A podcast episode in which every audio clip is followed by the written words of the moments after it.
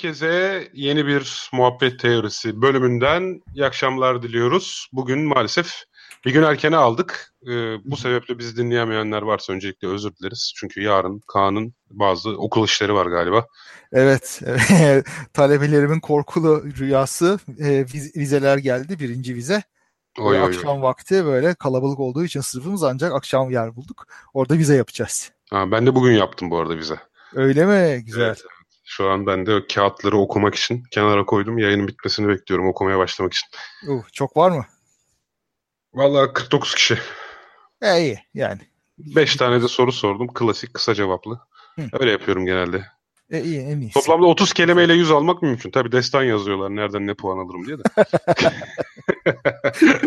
Aklına ne gelirse yaz bir yerden tutar. Ben orada şey yapıyorum. Mesela iki tane örnek veriniz demişim. Adam 10 tane vermiş. Sorunun puanını ona bölüp 2 ile çarparak puan veriyorum. İki tanesi doğruysa. Şansını arttırıyorsun madem. Birim puan düşer. evet tabii aynen öyle. En iyisi valla. Evet hocam. Peki. E, bu arada dinleyicilerimiz gelmiş. Betül Ferikoğlu öğrencileriniz çok şanslı demiş. Çok teşekkür ederiz. Çağlar Tüfekçi muhabbetinize kurban demiş. Ay sağ olun. Biz de kıskananlar çatlasın patlasın falan diyelim mi Kaan? Diyelim tabii ya vallahi değil mi? Muhabbeti bilmiyorlardı şimdi birazdan söyleriz. Evet, Kaan Bolat geçmiş olsun demiş. Sesimden anlaşılıyor mu hasta oldum? Valla ben çok anlamıyorum ama belki Kaan Bey'in kulağı daha keskindir benden bilmiyorum. Ee, yani ya da belki başka bir şey için diyor ben anlayamadım. Aa gıybet tamam. Gıybet yapalım. Gıybet, gıybet yapacağız ya girişte biraz e, şey gıybet ha Ka Kaan Bolat dün geceki yayından bahsediyorum. Şu dün bu arada CNN Türkiye çıktım biliyorsun. Ha evet. Deniz Bayramoğlu'nun konuğu oldum. Konumuz da bu çiftlik bank, sahtekarlık falan mevzuydu.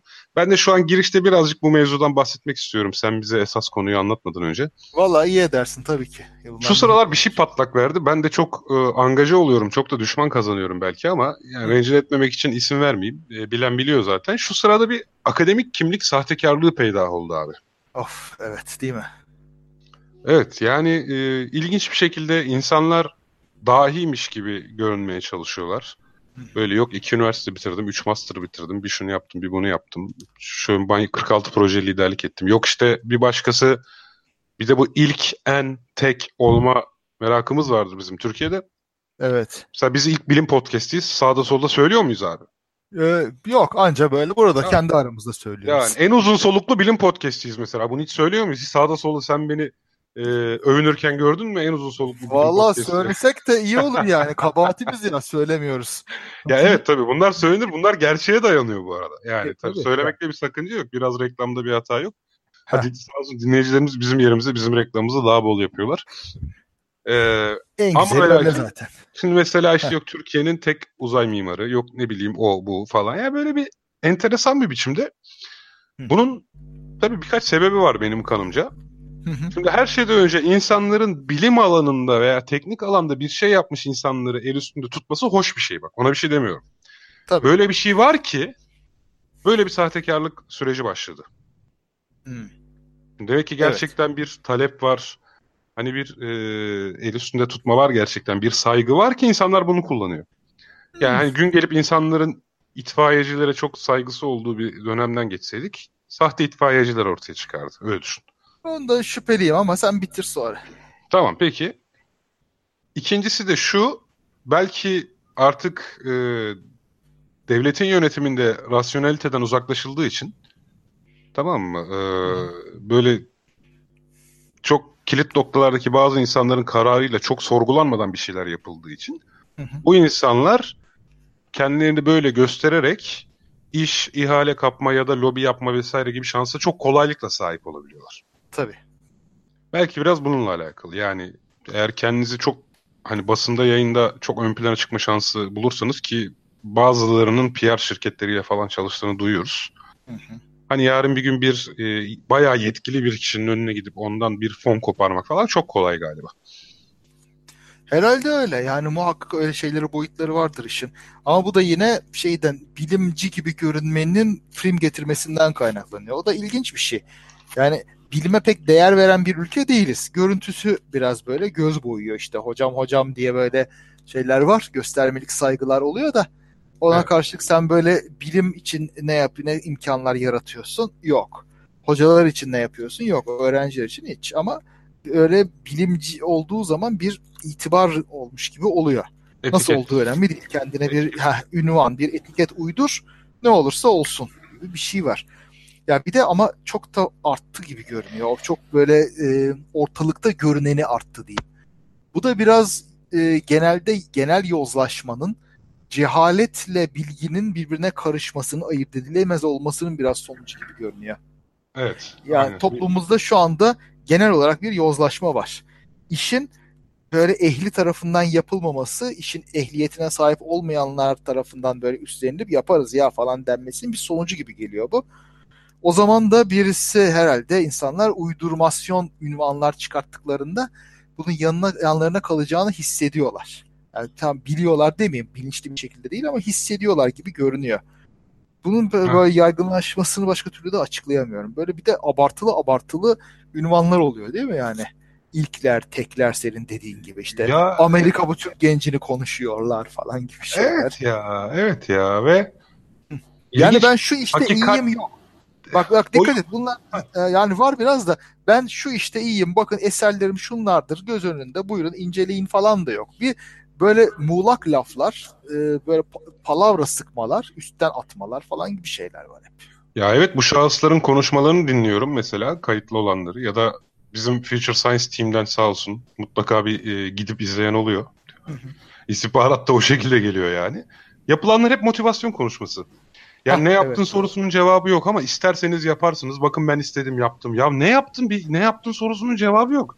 Evet. Çok acayip çok ilginç ya. ya. Çok ilginç yani insanlar ne yapıldığını bilmeden onun nasıl yapılacağına yönelik motivasyon konuşması dinliyor. çok iyi ya. İstersen yani yapabilirsin. Ee, çok kafaya koyduğunuz her şey olur. Bu hayatta mutlaka çok azimli çalışmak lazım falan yani toplamda ama ne, ne yapıldığının bir şeyi yok ya yanıtı yok yani. Ya bu, bu da bir geçim kapısı oldu gibi görünüyor böyle motivasyon konuşmacısı olmak için önce kendine bir ünvan yarat.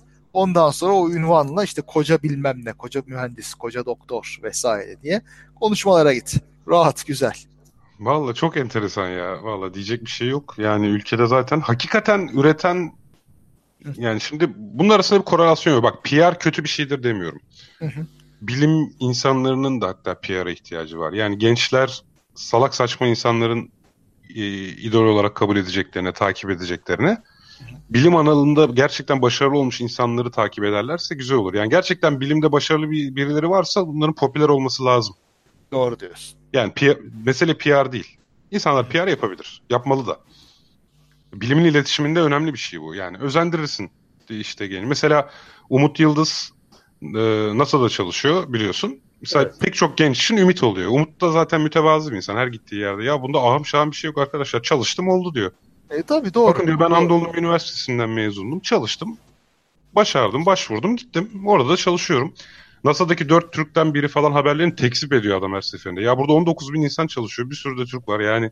Heh, bunu bu kadar abartmaya gerek yok falan diyor. Yani hakikaten bir şeyler yapan insanlardı zaten. E, öyle. Biraz öyle. biraz tevazu oluyor. Ha olmaya da bilir. Yani insan biraz övünmeyi de seviyor olabilir. Ona da lafım yok. Arkası doluysa. Tabii. Ya şunu da diyeyim. E, evet büyük çalışma e, gerektiriyor, gayret gerektiriyor ama gerçekten de olmayacak şey değil. Benim doktoram, doktora konum mesela işte uzay, manyetosfer falan konuları üzerineydi. Houston'da işte NASA'nın yanı başındaydık. Hatta NASA ödeneğinden geliyordu benim para. Yani e, şeyle kalsaydım belki kastırıp falan böyle NASA'nın birimlerinden bir tanesinde çalışıyordu olabilirdim. Yani parlatsaydık. Yani, e, şeydi.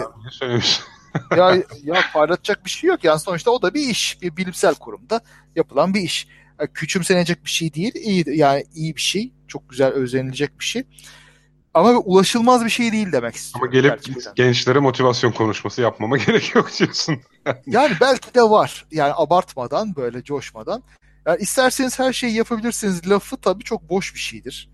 Ee, şey istersen astronot olamazsın mesela. Yani yok öyle bir şey kusura bakma. Yani herkes bir şey istiyor sonuçta evet yani. Ha. Ee, yani başka ama böyle hayattan kam almanın başka yolları var ama onu da başka bir şeye e, aktarırız. Başka bir programda konuşuruz. Ama bak demin dediğin bir şeyin evet. üzerine ben bir şey eklemek istiyorum. Bak bu e, Anadolu'nun bir üniversitesinden çıktım çalışınca oluyor diyor ya. Evet. Gerçekten bu doğru. Şimdi şey yok. E, çok snoblu, üniversite konusunda çok snobluğa veya aşağılık kompleksine hiç lüzum yok. Şimdi benim çok takdir ettiğim 3 üniversite var. İşte 2-3 diyeyim. Yani başta Boğaziçi ve ODTÜ, sonra İTÜ, sonra özellerden işte Bilkentler, Sabancılar, Koçlar ve birkaç tane daha. Hepsi bu kadar değil tabii.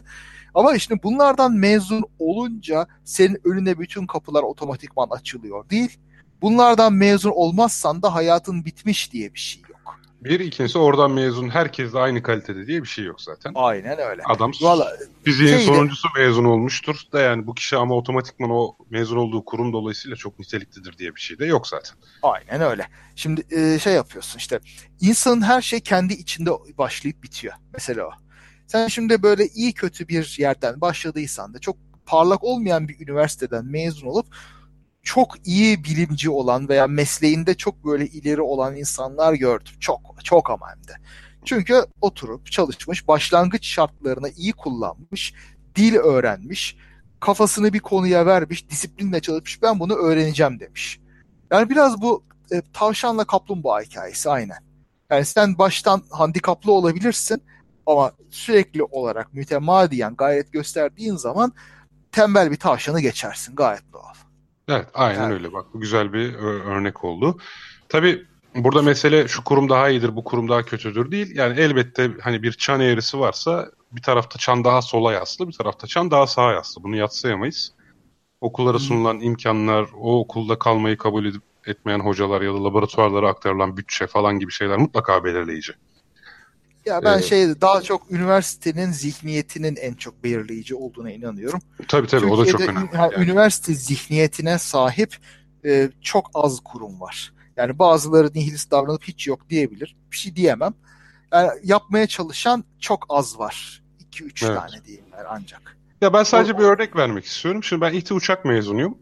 Biz dedik ki biz uçak yapacağız. Amerika'da AIAA'nin düzenlediği Design, Build and Fly yarışmasına katılacağız dedik. Fakültenin en büyük iki odasını bize kulüp odası ve atölye olarak verdi okul direkt. Çok güzel. Bravo. 5000 TL'de para verdi o zamanın parası. Biz 2004 yılında 30 bin lira falan para döndürüyorduk ya. İnanabiliyor musun? Bugünün parasıyla söylüyorum. 30 milyar yani. Çok güzel. Öğrenci Allah olarak bunu çevirebiliyorduk. Şimdi tabii bu imkanı hangi üniversitede hangi gençlere versen iyi kötü bir şey yaparlar. Mesele işte biraz imkansızlığa da gelip dayanıyor yani. Yok, Üstelik her, böyle o doğru değil. Kime verirsen ver bir şey yapar. Yok yani onu bir vizyon lazım. Abi bir dur, gayret. doğruculuk lazım. yapıyoruz şurada. Valla bu, bu ikilinin kaba adamı olarak ben değilim yani yok ya. Yani bazısı farklı ve biraz da o farkı belirleyen de senin okuduğun okulun kültürü de oluyor. Ya o seni eğitiyor, yetiştiriyor. Yani böyle bu dersle öğrenilen bir şey değil tabii. Böyle o havasından aldığın bir şey, ortamından aldığın bir şey oluyor. İşte İTÜ'de varmış o kültür demek ki. Başka birkaç yerde de var ama her yerde yok. Çoğu yerde yok maalesef. Ama bu şu demek değil yani oralardaysan sen battın bittin diye bir şey yok. Birçok yerde var ki böyle öğrencileri hocalarından çok daha ileri hep benim gördüğüm. Yani öğrencileri... Ha, hoca kalitesi de zaten bu arada devreye giren bir şey haklısın. Yani mesela büyük şehirde olduğu için böyle iyi öğrenci çekiyor, disiplini çalışan öğrenci çekiyor. Ama hocalar mesela o kadar da aman aman olmuyor o üniversitelerin diyelim. O öyle sonuçlar çıkıyor ilginç bir şekilde. Öğrencisinin hocasından daha ileri oldu. Ya az önceki benim politik doğruculuk dediğim de şey zaten ya. Bir türlü öğrenciyi suçlamaya giremiyorum. Yani hani ha. E, yani hani aynı imkanlar verilse bir şekilde oradaki öğrenciler de bir şey yapardı ki kastım o. Çünkü hani, Türkiye'de bir öğrenci hem lisede iyi bir eğitim alamamışsa Hı. tabii ki bireysel şeyleri saymıyorum. Adam okuldan kaçıp kaçıp okuya gittiyse yapacak bir şey yok. Yani Ama tabii. hani adam lisede iyi eğitim alamamışsa haliyle iyi bir puan alıp e, iyi bir üniversiteye de girememişse üniversitedeki hocalar da zaten e, bir şey vermiyorsa ben çok İstanbul'da özel üniversite biliyorum. Hocaları hadi bugün ders yapmayalım falan diyor. Salıyor çocukları. Zaten hoca o konuda yetkin değil. O Tabii. ders ona bir şekilde kaktırılmış. Yani hani Burada işte öğrenciyi suçlayamıyorum. Adam üniversiteyi öyle bir şey zannediyor zaten. Yani evet. Doğru diyorsun. Yani öylelerini ben çok görüyorum. Devlette de tabii çok var. Özel üniversitede olması zaten benim ağzımı açık bırakmıştır. Yani ben de özel üniversitelerde çok çalıştığım için öğrencilerin bu konudaki gevşekliğine şaşmışımdır. Kardeşim sonuçta siz burada buraya para veriyorsunuz ya. İnsan hiç olmasa parasının karşılığını almak ister. Hoca evet. niye dersi iptal ediyorsun demek ister. Yani şey de değil. E, hoca otoritedir biz ona karşı gelemeyiz de yok. Kendileri diyorlar işte hocam ders yapmayalım hocam işte bu kısa keserim falan gibi. Çok ilginç geliyor. Ha, o, o yüzden evet garip geliyor öyle şeyler. Bana da diyorlar hocam bugün erken bırakır mısınız? Valla sen istiyorsun erken çık diyorum. Tutan var yani. Aynen öyle. Adam ders kaynatmak istiyor valla. Ben anlatacağım. Sen istiyorsun erken çık ben yoklama almıyorum. Doğru. Neyse Ondan hocam. Sonra, evet. Ha, devam et yani. sen. Yok tamam yani şeye toparlamak için demiştim. Hadi toparlayalım o zaman. Buyur. Neyse yani toparlayacak da bir şey yok işte bir şekilde. Ee, evet. evet. Türkiye deyip işte, geçiyoruz bir noktada. İşte bir de ünü, e, üniversitelerin bir şey, şey diyeyim idare ile öğrenci ilişkisi hakkında da bir şey demek istiyorum. Yani orada Sen idarenin... abi. iki dakika e, rica edeceğim. Bir dakika. Tabii ki. Tabii ki.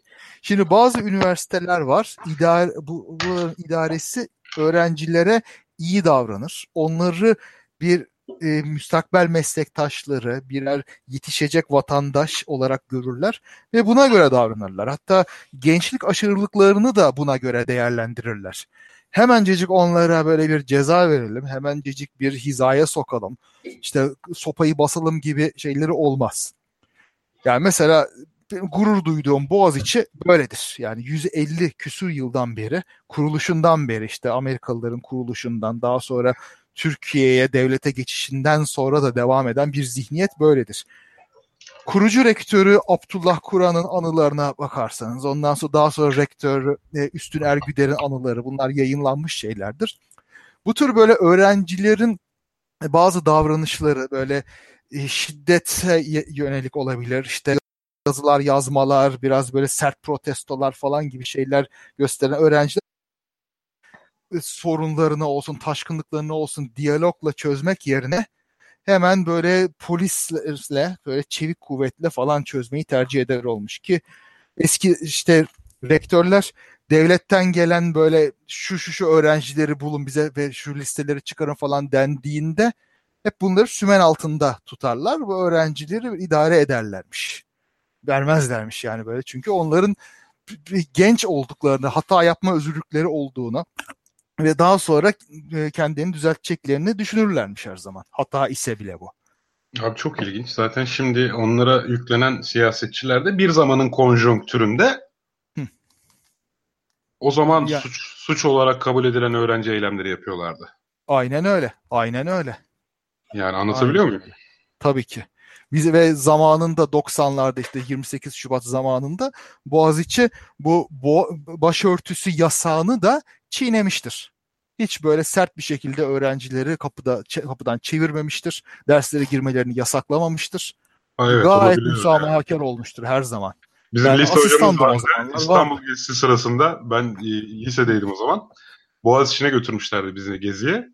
Orada işte mesela e, başörtülü bir öğrenci görmüştük. Bizim İngilizce öğretmenimiz de ya Boğaziçi'ne demokrasi gelmiş ya dediği için müdürümüz ona soruşturma, soruşturma açtırmıştı. buyur, buyur işte. Bak, bu anlayış uçurumu ne kadar büyük bir anlayış uçurumu yani düşünebiliyor musun? Yani. Ve şimdi aynı Boğaziçi aynı müsamahakarlıkta ve e, bu öğrencilere terörist muamelesi yapıyor. Garip işte devran dönüyor. Kendisine kendisi sıkıntı çekenler daha sonra zalim haline geldiklerinde kendilerini kollamış olanları kollamıyorlar. Abi çok ilginç ya. Bir yazımda yazmış mıydım hatırlamıyorum mesela. Bunun evrimsel bulgu var. Örümceklerdeki gen mesela farklı bir örümcek türü var. Orada bu örümcek türünde çok net tespit edilmiş bu. Hı hı. Gerçi çok evrimin klasik bulgusu. Niye bunu haber yapmışlardı onu hatırlamaya çalışıyorum da. Neyse hatırlayamadım. Bir konuda dört farklı gen var ve bunların farklı olması ya bu çeşitlilik e, hiçbir fonksiyonu yokmuş gibi görünmesine rağmen toplamda topluluğun hayatta kalma olasılığını arttırıyor. Hmm, evet çeşitlilik tabii ki. Evet şeyden bahsetmiyorum ama yani fonksiyonu yok bu genlerin. Sırf sırf çeşitlilik yani. Hmm. Sebebini evet. hatırlamıyorum. Sıcaklık değişimlerine daha dirençli oluyorlar galiba. Böylece topluluk devam edebiliyor. Yani aslına bakarsan hani her zaman bu çok önemli bir sorunsaldır. İşte Batı niye ilerledi, Doğu niye geri kaldı ya da bugün bazı ülkeler neden gelişmiş bazıları değil diye baktığın zaman bunun e, düşünce çeşitliliğine, farklılığına, tahammülle birebir alakası var yani. Var, kesinlikle. Birebir bağlantı. Kesinlikle. Tabii Acemoğlu ile Anderson'ın kitabına da baktığında yani kurumların açık olması, herkesin erişebilir halinde olması, işte çeşitliliğe açık olunması yani işin bir zümreye bırakılmaması, herkesin katılabilmesi bu işin anahtarı. Ülkelerin kalkınmasını, zenginleşmesini, büyümesini bu belirliyor. Adalet de böyle sağlanıyor zaten. Evet. Ve şu an yani o kadar ilginç ki dün yayında katılımcılardan birisi yani çok e, bana anlattıklarıyla konusunu iyi bilen bir uzman olarak göründü. Hı hı. Bir yerde şey dedi, insanların öğleden sonra daha çok yalan söyledikleri tespit edilmiştir dedi. Öyle mi? Tamam ben bunu cebe koydum. Yani insanlar yorgun oluyor falan dedi. Az sonra da yalan söylemek dürüst olmaktan daha çok efor gerektirir, organizasyon gerektirir falan dedi. Yalnız ben dedim bu söylediklerinizi çelişkili buldum dedim yayında. Hmm. Çünkü az önce insanların yorgunlaştıkça gün içerisinde daha çok yalan söylediğini söylemiştiniz. Şimdi yalan söylemenin dürüstlükten daha çok efor gerektirdiğini hmm. söylüyorsunuz dedim. Hani Kahneman mantığı, sistem 1, sistem 2 diye düşünüyorum ben. Tabii. Bunları çelişkili buldum dedim. Adam da bozuldu. Bozulmasına hiç gerek yok. Yani ben hatta program bitirince dedim ki yani ben sizi şahsınıza karşı bir şey demedim. Konferansta da olsam ben aynı şeyi sorardım. Ha, sana sen ona itiraz ettin diye bozuldu öyle ha, mi? İkincisi de takipçileri Tevfik Uyar ezildi herhalde ki böyle gıcıklık yapıyor. Amma gıcıksın ha falan. Aa çok enteresan. Yani fark hani Oo, yani çok, toplamda düşünce farklılığına ya da itiraza ya da ya bence hani burası biraz çelişkili görünmedi mi gibi sorulara falan tahammül kalmamış. Sıfır yani.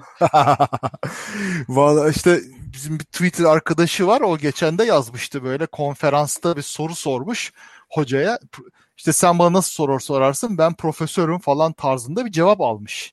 O benim de başıma geldi ya. Yani şirketin Hayır performans diyorsun. ölçümünü yapmış. Konferansta onu anlatıyor. İyi de bunu hep patronlara sormuşsunuz. Yani işçilerin ne kadar mutlu olduğunu genel müdürlere nasıl sorarsınız ki dedim. Heh. Sağlıklı bir çalışma olamaz dedim.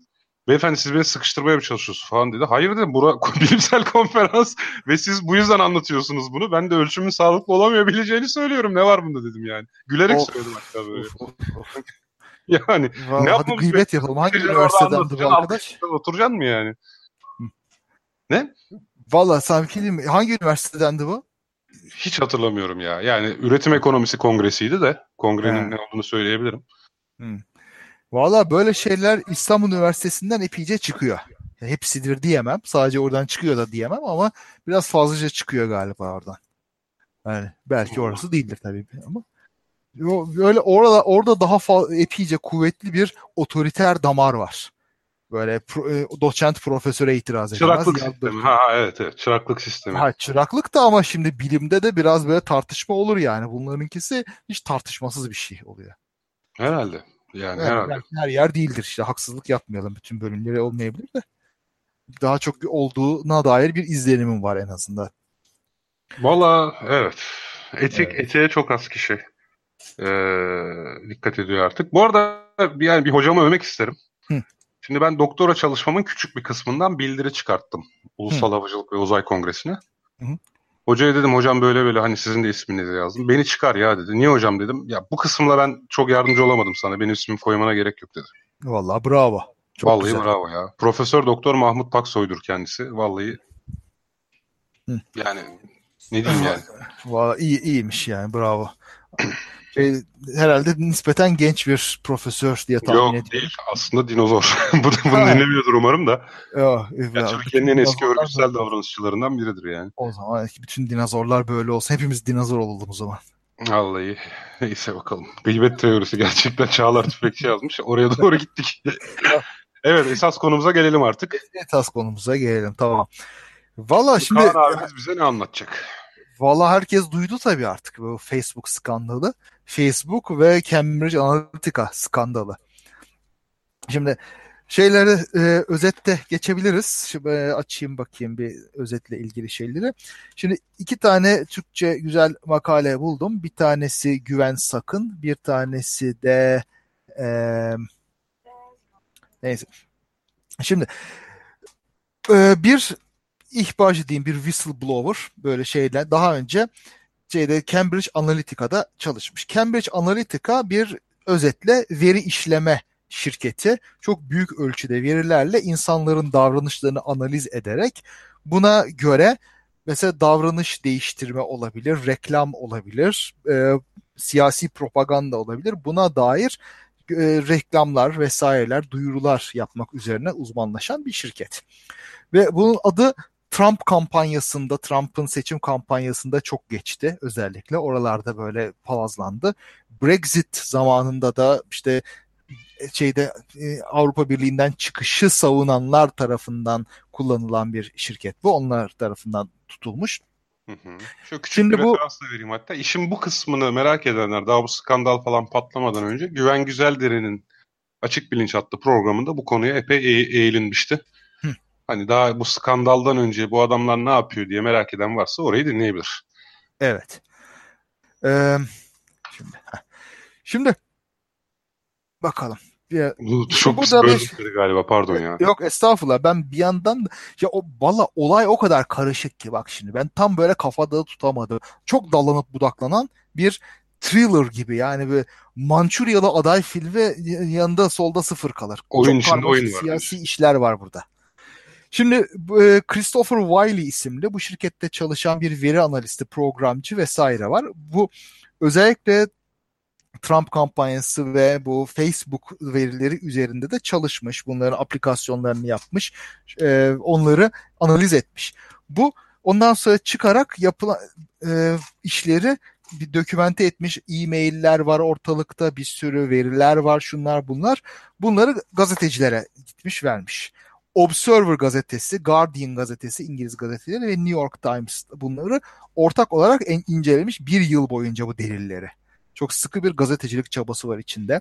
Ek evet. deliller toplamışlar başkalarının e-mailleri, başkalarının tanıklıkları, e, böyle teyitler vesaireler falan. Ve işte bu geçtiğimiz günlerde de ortaya çıktı bunlar yayınlandı böyle oldu diye. Dikkat edersen böyle havadan bir uydurma yapmıyorlar. Çok böyle sağlam bir şekilde kontrol ettikten sonra yapıyorlar. Takdire şayan bir şey. Ha, bundan sonra işte ortaya çıkanlar şunlar. Facebook'tan e, büyük miktarda veri alınmış. Şimdi nasıl alınmış? İşin biraz evveliyatına bakalım. İşin biraz özüne.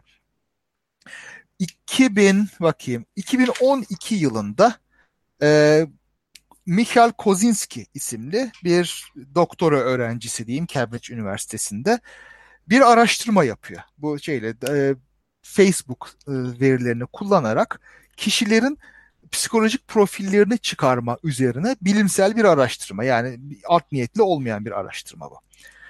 Şimdi bu e, özellikle mesela like'lara bakıyor. Kişilerin neler like verdiğine bakıyor. Buna göre sınıflandırmalar falan nasıl olabiliyor gibi. Bunun da ilginç sonuçları mesela çıkıyor. E, şu şunu buluyor mesela. Birisinin ya ortalama olarak 68 like'ına bakarak onun deri rengini tespit edebiliyorsun. %95. Machine learning algoritması değil mi? Efendim? Machine learning algoritması. Evet, aynen öyle. Machine learning algoritması işte nelere like vermiş falan gibi bakarak %95 doğrulukla deri rengini buluyorsun. Beyaz mı, zenci mi, Çinli mi vesaire falan. Ee, ondan ayrıca cinsel eğilimini %88 doğrulukla buluyorsun. Ya %90 diyelim onu yuvarlak hesap. İsmini ismini bilmesen bile erkek mi, kadın mı, gay mi, işte LGBT vesaire bunların hangisi olduğunu belirliyorsun. Evet. %85 doğrulukla cumhuriyetçi mi demokrat mı olduğunu belirliyorsun. 68 like ile. Yani düşün kaç tane like'ımız vardır Facebook'ta falan. 3 like'la ayırırsın ya AKP'li mi CHP'li mi? doğru doğru. Herhalde öyle. Hadi bar, ba, ya bazıları barizdir zaten de. Ya hadi 5 like olsun tamam? Ayrıca mesela bu kişilerin işte diyelim zeka seviyesi, dini böyle bağlantıları, alkol kullanıyor mu, sigara uyuşturucu kullanıyor mu falan onları da belirleyebiliyorsun sadece bu like'larla.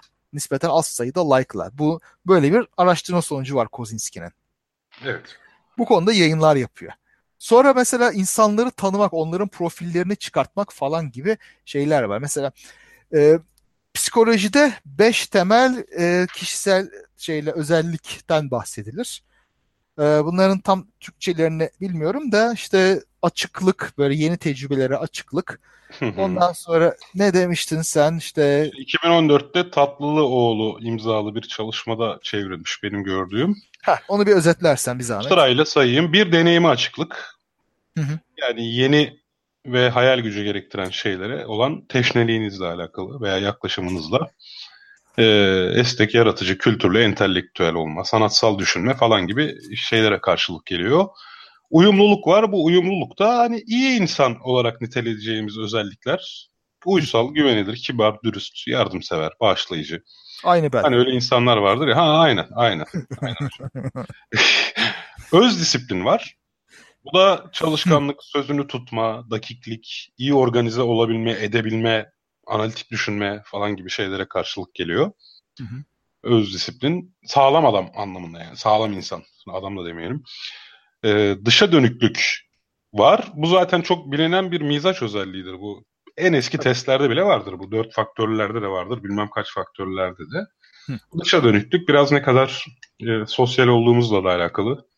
Ne kadar aktif iletişim kurma becerimiz. işte ani karar vermek, atak davranmak. Yani biraz buna karşılık geliyor.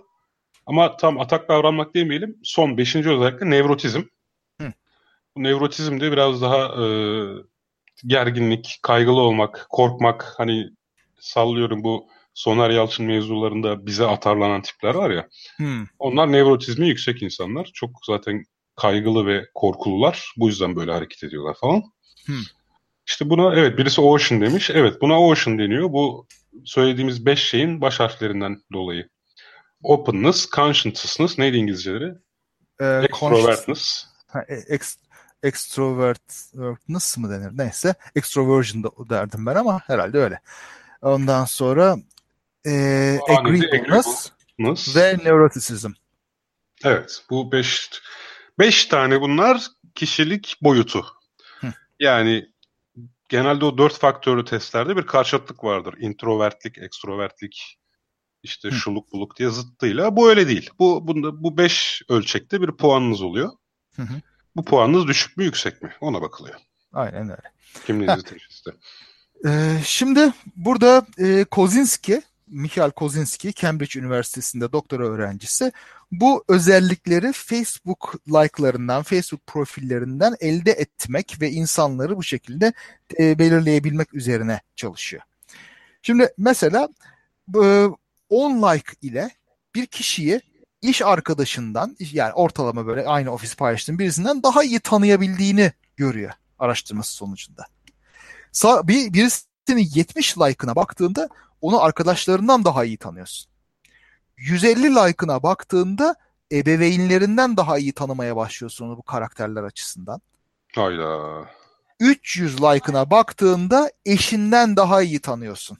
Biraz daha da baktığında... 500 kendi... like'ına bakınca beni benden alırsan seni sana bırakmam diyorsun herhalde. Aynen öyle oluyor. Yani adamı kendisinden daha iyi değerlendiriyorsun kendisini ne yapacağını falan. Yani düşün kaç bin like'ımız vardır bizim Facebook'ta. Evet ya, ya ben bunu 5 10 senedir söylüyorum ya. YouTube evet. listemin kaydına bakıyorsa benim böyle hangi dönemlerde şey depresif hangi dönemler neşeli olduğumu bilir diye. Yani e, haliyle yani şey, vaktimiz kalırsa YouTube'a da geliriz zaten. Şimdi bunları tabii yayınlıyor adam ama bunları yayınlarken bunların kötüye kullanılma ihtimaline karşı falan da uyarılarla yayınlıyor. Yani tamamen akademik bir şey kaygısı var. Başka bir şey de yok.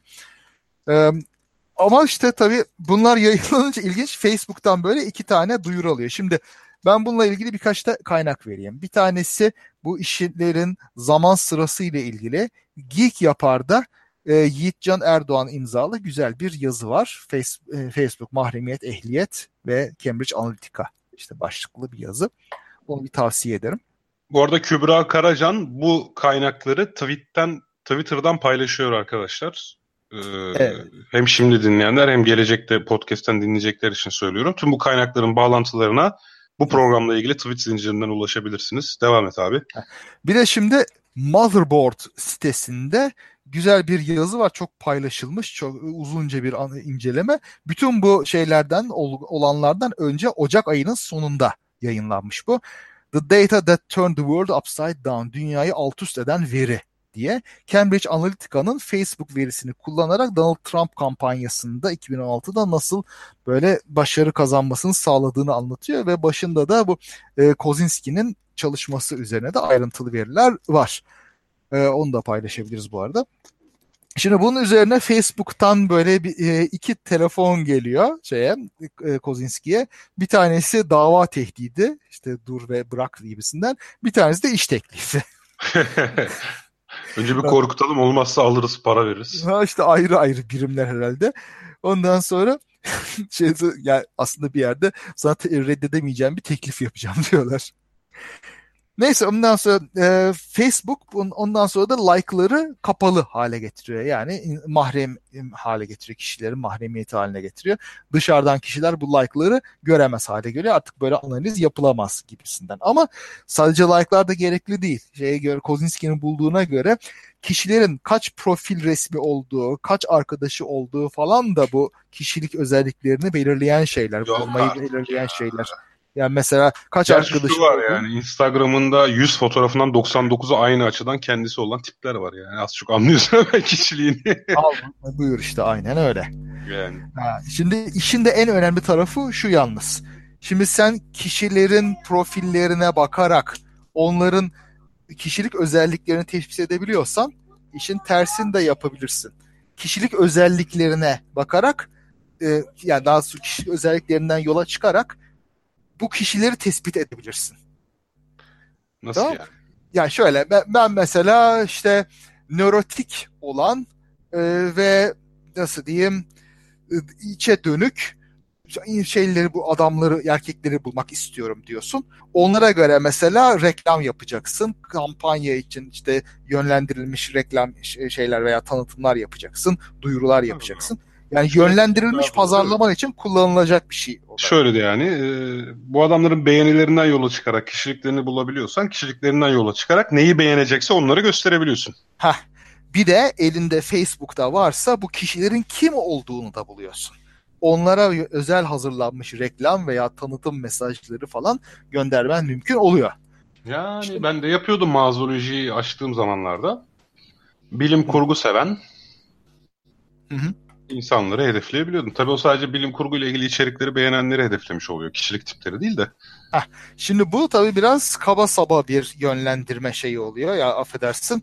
E, demografiye dayalı bir şey biraz oluyor ya da şunu beğenenlere gibi. Şimdi bu e, şey Cambridge Analytica şirketinin şey yöneticisi Alex Nix, Alexander Nix'in bir konuşması var mesela. Bu geçmişte kalmış bir şey diyor. Yani bütün kadınlara aynı mesajı vereceğiz demek ne kadar gereksizdir diyor sadece kadın olduğu için. Yani bu burada daha mikro özellikler, kişilik özelliklerine göre biz şey yapıyoruz, reklamları veriyoruz, tanıtımları yapıyoruz diye anlatıyor. Evet. Güven Güzeldere'nin evet. programında şey denmişti. Normalde bu tür seçim çalışmaları ya da pazarlama çalışmaları genelde böyle 10-12 kategori üzerinden yapılıyor. Evet. Gelir durumuna, cinsiyete vesaireye göre diye. Burada şimdi milyonlarca bir kategorizasyondan bahsediyoruz galiba. Aslında yine 5 kategorizasyon, 5 karakter özelliği var burada. Ee, ama daha da genişletilebiliyor. Yok 5 kategori denemez. 5 kategorizasyon varsa 5'in kombi permütasyonu kadar kişilik var demektir. Ee, zaten bunlar 0-1 değil. Bunlar derecesi olan şeyler. O zaman daha yani da adamın dışa dönüklük derecesi var yani. Burada bunlar sürekli sayılar diye düşünebilirsin. Yani evet. kişileri 5 elemanlı bir sürekli vektör olarak önce başlıyorsun. Tabii daha da karmaşık o ayrı. Şimdi Kozinski böyle işleri artık başlamış ama işte onun işin büyüklüğü ve potansiyelleri biraz onu ürkütmeye başlıyor. Bu arada Alexander Kogan şeyde Cambridge'in psikoloji bölümünde bir do- e, pardon yardımcı doçent. Rus kendisi St. Petersburg Üniversitesi ile de bağlantıları var. Bu da daha sonradan e, ilginç gelen insanlara bağlantılardan birisi Rusya bağlantısı. 2014 yılında Kozinski'ye geliyor ve onun verisini bir şirket adına satın almak istediğini söylüyor. Pazarlık yapacaklar. Kozinski bu konuda biraz e, şüpheli yani istemiyor bunların kötü ellerde kullanılmasını falan hangi şirket diyor soruyor soruyor cevap verilmiyor. En sonunda işte sıkıştırma sonunda Kogan diyor ki SCL diye bir şirket. Strategic Communication Laboratories yani stratejik iletişim laboratuvarları. Bu ve e, Kozinski bu şirketi araştırdığında bunların e, seçim e, yönetimi acentası olduğunu görüyor. Kendilerine verdikleri isim. Olayları bunların seçimleri yönlendirmek çeşitli yerlerde böyle seçimleri yönlendirici psikolojik manevralar yapmaya başlıyorlar. Ee, mesela Ukrayna'dan Nijerya'ya seçimlerle ilgili işleri yapmışlar. Kendi sitelerinden alınan bilgiler. Ee, Nepal kralına isyancılara karşı yardım etmişler. Ondan sonra işte Doğu Avrupa'da ve Afganistan'da vatandaşları etkilemek üzerine bazı şeyler yapmışlar. Vay be. Yani bir açıdan baktığında Propaganda. reklam şirketi gibi aslında propaganda şirketi gibi ama veriye dayalı olması biraz tabii işi biraz korkutuyor. Kozinski bu teklifi reddediyor. Yani bu işe girmek istemiyor, buna katılmak istemiyor. Bunun üzerine Kogan, e, Alexander Kogan bu işi kendi yapmaya karar veriyor. Bir e, uygulama hazırlıyor. Şimdi bu Kozinski'nin yaptığı bir uygulama arkadaşıyla beraber yaptığı kişiler böyle Facebook'a bir aplikasyona şeyle soruları anketle cevaplıyorlar. Ona göre bir puan alıyorlar. Kogan da bunun gibi bir şey yapıyor. Bunun için işte Amazon'un Mechanical Turk diye bir servisi var, hizmeti var. Burada kişilere küçük bir para verip e, bir e, bilişim işi yapmasını istiyorsun. Mesela birçok yerde sınıflandırma yaparlar. İşte bu resim nedir, hangi hayvandır, tık tık tık bunu yap gibisi, yap gibisinden küçük işlerdir. Burada Kogan işte her bir kişiye 1-2 dolar veriyor ve 270 bin kişiye Facebook'a bu e, programını kurduruyor. Ve bu program bu kişilerin profillerinden bilgileri çekiyor. Sadece onları çekmiyor. Bu Facebook ayarlarının o zaman gevşek olmasından dolayı bunların arkadaşlarının da verilerini otomatik çekiyor. Yani oluyor mu senin elinde 50 milyon profile dair ayrıntılı bilgi. Bunların işte like'ları, işte postları, resimleri, her şeyleri. Ya o zaman işte Facebook ayarlarında şey yok. Ya e, senin kurduğun, onay verdiğin bir uygulama sadece seni görür diye bir şey yok. Arkadaşlarını da görüyor. Hmm. Ciddi bir sorun. Şimdi burada teknik olarak baktığında burada Facebook'un yanlış yaptığı da yok yani uygul şey anlaşmaya uygun kişilerin anlaşmasına. Ve e, bu e, Kogan'ın yaptığı şey bir e, ahlak dışı bir şey de değil. E, ihlal de değil. O yüzden bir sorun yok burada. Ha, şimdi ama burada artık gri Yani yasal bir sorun yok. Etik bir sorun tabii ki var da. yani biraz öyle. Yani. Şimdi e, denebilir ki işte insanlar da şey yapsalarmış yani kar- e, sahip çıksalarmış verilerine falan. Ama iş tam da o kadar da net değil. Şimdi kişilerin sorumluluğu mesela burada nereye kadar? Sen işine dikkat et, bu verdiğin onaylara dikkat et falan diyoruz da. E, O iş yaş ya. Yani artık bazı uygulamaları kullanabilmek için bazı verileri paylaşmak zorundasın ya. tabii. Tabii. Yani. Bir de şu var ya şimdi sen mesela bir şeye onay veriyorsun da e, bir de diyorlar bir biraz e, nasıl diyeyim kinik bir tavırla ya tabii ki işte bu şirketler senin bilgilerinden para kazanıyorlar. Tabii ki senin mahremiyetine böyle te- tecavüz edecekler. Sen bunu bilmiyor muydun diye. Şimdi bilmek var, bilmek var.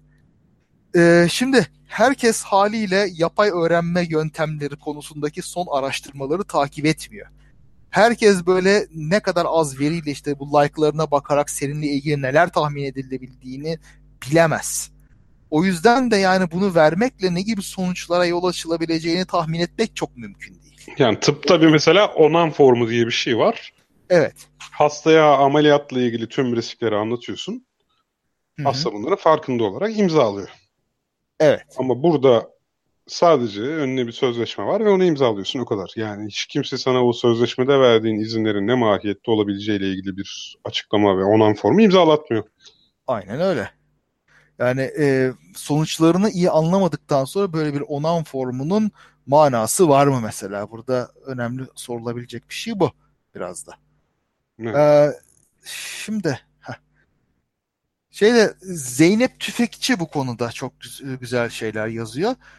Mesela şeyde e, birkaç gün önce, bir hafta önce Facebook Surveillance Machine diye e, New York Times'ta güzel bir şey makalesi var. O da işte bu noktaya temas ediyor. Şimdi Facebook'tan bu verileri almış Kagan, şimdi Kogan. Ondan sonra şimdi Kogan bu verileri araştırma için kullanacağım diyerek alıyor. O amaçlı bir şey yapıyor. Ona göre Facebook onay veriyor. Tamam okey sorun yok. Ondan sonra Kogan bu verileri 800 bin dolara Cambridge Analytica'ya satıyor.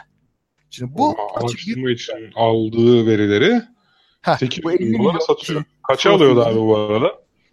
efendim Kaça alıyordu? 800 bin dolar. Yok kaça almıştı? Yani ne kadar kar etti onu merak ettim. Ha valla bir iki kişi böyle 270 bin kişiye 1-2 dolar vermiş. Ya iki işte 500 bin dolar falan harcamıştır herhalde. Hadi 100 bin yani, de. Tabii şeydi. Hepsi yapmamışsa mesela arkadaşları da arkadaşları kendi kendilerine kurdularsa daha da düşer tabii bu. Anladım vay be. Yani şu bakar mısın şu veri ticaretine? Müthiş. Dahası evet. da var yani. Bu, bu buzdağının görünen yüzü. Şimdi e, bu biraz ortaya çıkınca Facebook bir uyarı gönderiyor şeye Cambridge Analytica'ya. Şimdi bakalım. Burada ben yine e, Yiğitcan Erdoğan'ın Geek Yapar'daki şeyinden yazısından biraz okuyayım. 2015'te Kogan bunları Cambridge Analytica'ya satıyor. Guardian vesaire gibi gazeteler bunu çıkarıyor.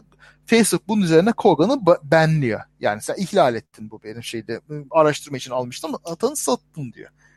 Ondan sonra Cambridge Analytica'ya da bir ihtar yolluyor. Elinizdeki veriyi silin diye. Cambridge Analytica sildim diyor. O kadar. Facebook bunun peşine düşmüyor. Gerçekten sildi mi diyor falan. Sildin mi sildin. Okey tamam sorun yok.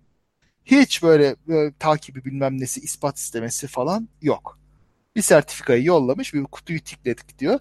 Bu şey e, o ifşa eden kişi var ya işte Wiley. O bir kutuyu tikledim gönderdim. Hiç ondan sonra Facebook başımızı ağrıtmadı diye. Zaten nasıl teyit edeceksin ki? Evet yani bir de o var. Adam alır yani flash belli. yani. Heh, yani. 50 milyon kişininki biraz zor ama illaki onu saklayacak bir yer bulursun. Ya, mutlaka yani. Evet, aynen. yani. Ondan sonra e, ondan sonra Kogan'ın rolü bunda artık fazla kalmamış gibi görünüyor. Kendi haline çekilmiş. Ondan sonra Cambridge Analytica artık böyle 2016'da Donald Trump'ın şeyiyle kampanyası için çalışmaya başlıyor onlar. Ve Facebook üzerinden propaganda yapıldığı iddiaları kuvvetleniyor bunun üzerine. Ee, şimdi ne gibi mesela? Ne, ne gibi? Şimdi mesela özetle şu kişiye özel bu reklam çıkartma gibi şeyler var burada. Kişiye özel reklam dediğinde işte sen daha önce bu kitapları almıştın, bu kitabı da seversin gibi bir şey olabiliyor bu Amazon'da. Bu işte nispeten masum, senin işine yarayan bir şey, güzel bir şey. Şimdi bir de bazı kişilerin ama mesela nörotiktir, işte dışa dönüktür, içe dönüktür falan gibi özelliklerine bakarak onları istedikleri yöne böyle ittirecek şeylerin öne çıkarılması var. Şimdi Facebook'un işte ilanları olsun başka şeyler. Mesela sponsorlu içerik diye hep karşımıza çıkar Facebook'ta. Şimdi adamına göre çıkıyor. Ve beni mesela e, kızdıracak bir şey varsa mesela Hillary'e karşı, Hillary Clinton'a karşı o zaman mesela Hillary ile ilgili işte e-mailleriyle ilgili haberler, işte başka şeylerle ilgili haberler gerçekten deli saçması zırva. Hani hatırlıyor musun kampanya zamanında işte o babalar böyle pizzacıdan böyle çocuk fahişe isterlermiş de falan ha, evet, evet, çıkmıştı. çıkmıştı. evet. Öyle şeyler yayınlanıyor. Garip garip şeyler. Benim okuduğum evet. var. Ben de oradan bir tane paylaşayım. Heh. Taktik gördüğüm kadarıyla şu. Şimdi ben Tuğsan Amerika'dan Türkiye'ye geldiğinde mesela onunla konuşmuştum. Mesela Tuğsan demişti ki yani şimdi Trump'ın bazı söylediklerinin toplumda karşılığı vardı. Hı hı. Yani örneğin yabancılar geliyor Hindistanlı yazılımcılar.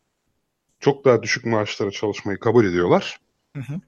Ee, haliyle Amerikan olan ve hani yüksek maaşla çalışan eski yazılımcılar işsiz kalıyor Silikon Vadisi'nde. Hı. Mesela bu adamlara bununla ilgili içerik çıkıyor. Trump'ın yabancı düşmanlığı ile ilgili söylemleri. Hani göçmen yasası ile ilgili. Öte yandan yani Trump'a oy verme potansiyeli bulunanlara bunları gösteriyorlar. Trump'a zaten hiç oy vermeme potansiyeli olan kitleye de demokrasiye olan inançlarını sarsacak ve onları sandıktan uzak tutacak içerikler gösteriyorlar. Çok doğru. Ve bunun içinde şey de var. Rusya'nın Internet Research Agency denen, internet araştırma ajansı denen bir kurumu da var. Şimdi bu kurum önce St. Petersburg'daydı, şimdi yeri değişmiş olabilir. Ee, Rus hackerlar ve sosyal medya trolleriyle dolu bir yer, bir bina. Tamam mı? Bunlar Amerikan isimleriyle mesela Twitter hesabı, Facebook hesabı alıyorlar ve ortalığı kışkırtıcı tweetler veya mesajlar atıyorlar sürekli. Biz bunu biliyoruz canım trollerden. Ha ama bu bu çok gerçekçi şeyler. Mehmet 92 65 76 Aa, o kadar kolay değil. Işte. bir şeyler atıyor. Gerçek isimlerle ve bazen de böyle otomatik şeyler çıkıyor görüyorsun böyle garip şeyler olmadık zamanlarda atılan tweetler. İnsanları infiale getiriyorlar. Böyle mesela o, e, bazı kasabalarda hadi toplanıyoruz falan böyle gibisinden faşist duyguları gıdıklayan, böyle Oo. yabancı düşmanlığını, göçmen düşmanlık gıdıklayan gösterilerin oluşmasına sebep oluyorlar. Yani ortalığa atıyorlar fişteyi, ondan sonra çekiliyorlar. O kendileri yoklar ortada. Hadi şurada toplanıyoruz falan bilmem ne protestosu için. Vay be. Yani bazen böyle Amerika'ya gelip e, böyle gösterilerde ortalığı daha da kızıştıracak şeyler yapıyorlar. Bir tanesinde e, mesela Hillary Clinton'a benzeyen bir kadın aktör almışlar. Onu bir kafesin içine koymuşlar. İşte Hillary'yi içeri tıkalım gibisinden böyle onu gezdiriyorlar ortalıkta. Çok enteresan bir şey. Yani bu ya şimdi var ya sen bunları söyleyince aklıma geliyor. Türkiye'de de böyle Hürriyet gazetesine saldırı olmuştu. Birden bir galeyana gelinmişti. Yani olabilir. Yani şey var benim de gerçekten midemi bulandıran şeyler var. Şeyde bakıyoruz mesela bizde Twitter'da birçok şeye gaza geliyoruz ve e, oy vermenin zaten faydası yok dedirten şeyler görüyoruz sürekli olarak.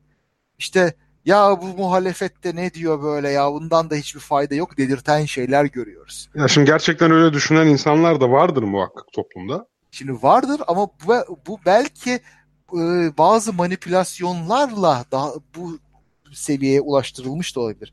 Şimdi, Şimdi yok orada şöyle itiraz edeceğim. Şimdi yani hani en son CHP kongresini düşünelim. Evet.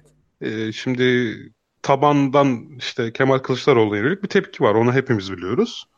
İşte kongrede de tuhaf tuhaf delegeler, onu aday gösteren delegeler oy vermedi falan. Ya bir tuhaflıklar var. İnsanlar da tekrar Kemal Kılıçdaroğlu'nun seçilmesine tepki gösterip böyle küskün davranıyorlar. Şimdi hakikaten böyle bir şey var yani. Hı hı. Ama Vardır, tabii. senin dediğin gibi ha, böyle bir şey olmasa zaten e, böyle bir şeye dayanarak çok daha rahat propaganda yapılabilir. Şimdi tabii medya ile propaganda eskiden biri var. Yani bir gazete bazı şeyi manşete çıkartır, bazı şeyi arka sayfaya gömer. Bir lafı cımbızlar, başka lafı işte unutturur falan. Evet, o hep var. dediğimiz olay işte o. Ha. Ama işte orada gazeteye bakıyorsun, herkes aynı gazeteye bakıyor. Orada bir iletişim oluyor, bir şey yani onun da ne olduğunu biraz anlıyorsun. İşte hürriyet şucudur, cumhuriyet bucudur, işte akit şucudur falan diye onu anlıyorsun. Ama şunu düşün. Sen tek haber kaynağı olan mesela Facebook'a baktığında herkes ayrı bir şey görüyor. Sen işte Kılıçdaroğlu şu lafı etmiş diye görüyorsun. Öbürü Kılıçdaroğlu öbür lafı etmiş diye görüyor. İşte Bahçeli şunu demiş. Öbürü işte başka bir şey demiş diye görüyor. Korkunç ya. Herkes kendi realitesinde yaşamaya başlıyor sadece Facebook'a baktığında. O zaman biraz manipülasyona da çok açık oluyorsun ve bu öne çıkarmaların senin kişiliğinin bilinmesiyle olduğunu düşün. Senin ve bunlar yalan da olabiliyor bu arada. Tabii ki olabiliyor. Şimdi Tabii. insanlar hani o ilk post-truth açıklamaları yapıldığı zaman ya post-truth'un eski propagandadan ne farkı var falan diyorlardı ya. Hı hı. İşte önemli fark bu yani. Evet bu, bu çok önemli bir fark. Post-truth'u post-truth yapan şey bu yani işte. Ee, işte orada durum işte fena. Şimdi Cambridge Analytica bunu yapmakla övünüyor özellikle. Yani bu kişisel şeyler yanı sıra reklamın yanı sıra bu tür kampanyalar. İşte İngiltere'de Brexit için bunu yapmışlar. Çık, e, çıkma propagandası içinde ve başarılılar. Dünyanın başka yerlerinde de işler yapıyorlar.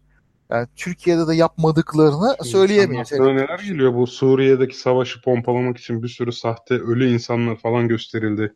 Evet ya. Daha sonra ortaya çıktı. Adamlar ketçapla bildiğin yere uzanmış. Kalkıyorlar falan. Ha ha evet. Düşünüyor insan yani.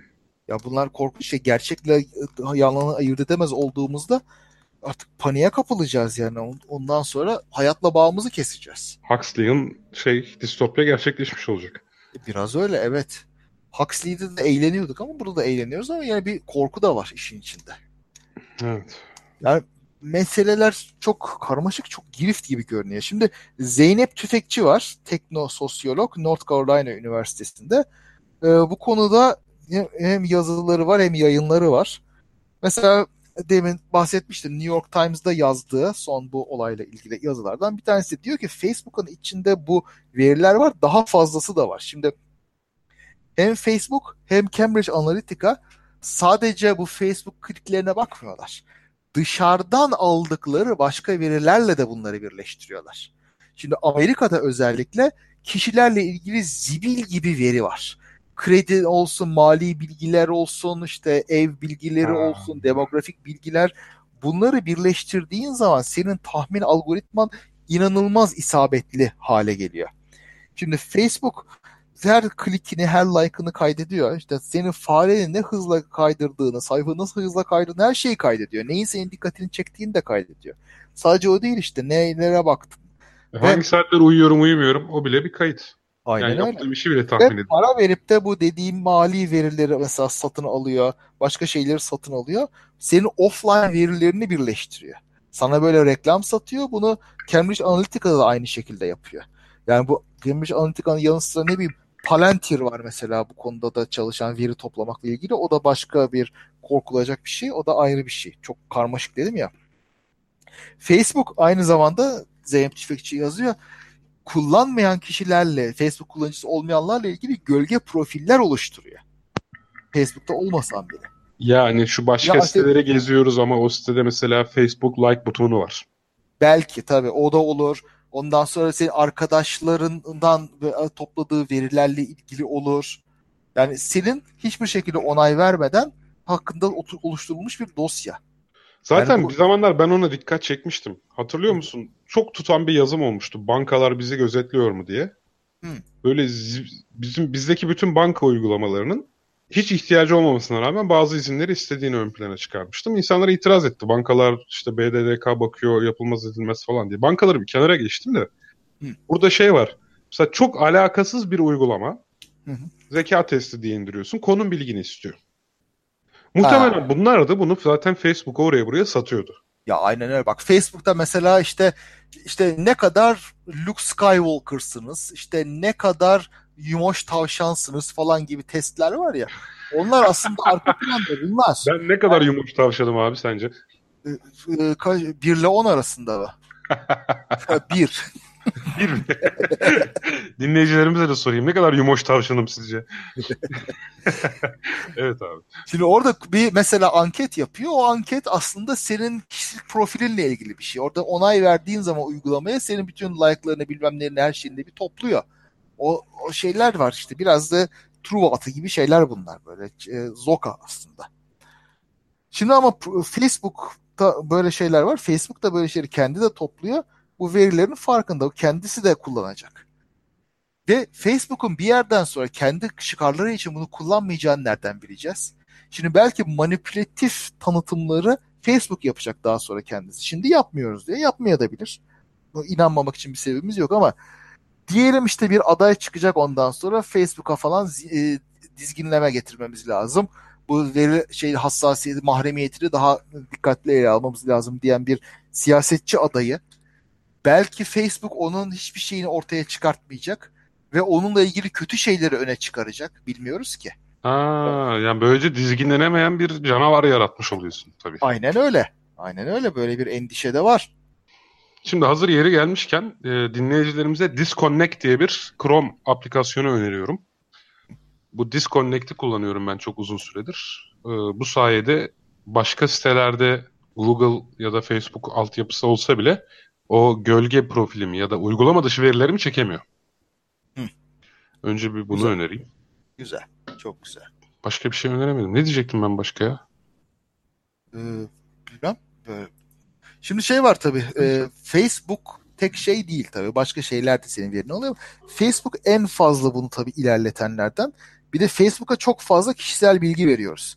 LinkedIn'e mesela o kadar herhalde vermiyoruzdur. Yani zaten paylaşmak istediğimiz profesyonel şeyleri veriyoruz oraya ama Facebook'ta işte aile fotoğrafları var, kişisel postlar var ya, onlara verilen şeyler. ya, korkunç ha. yani. Birisi bir yerde benim resmimi paylaşmış, arkadaşım bile değil. Heh. Bugün bana şey geldi. Bu fotoğraf size mi ait etiketlemek ister misiniz diye. Arkadan belli belirsiz görünüyorum ya.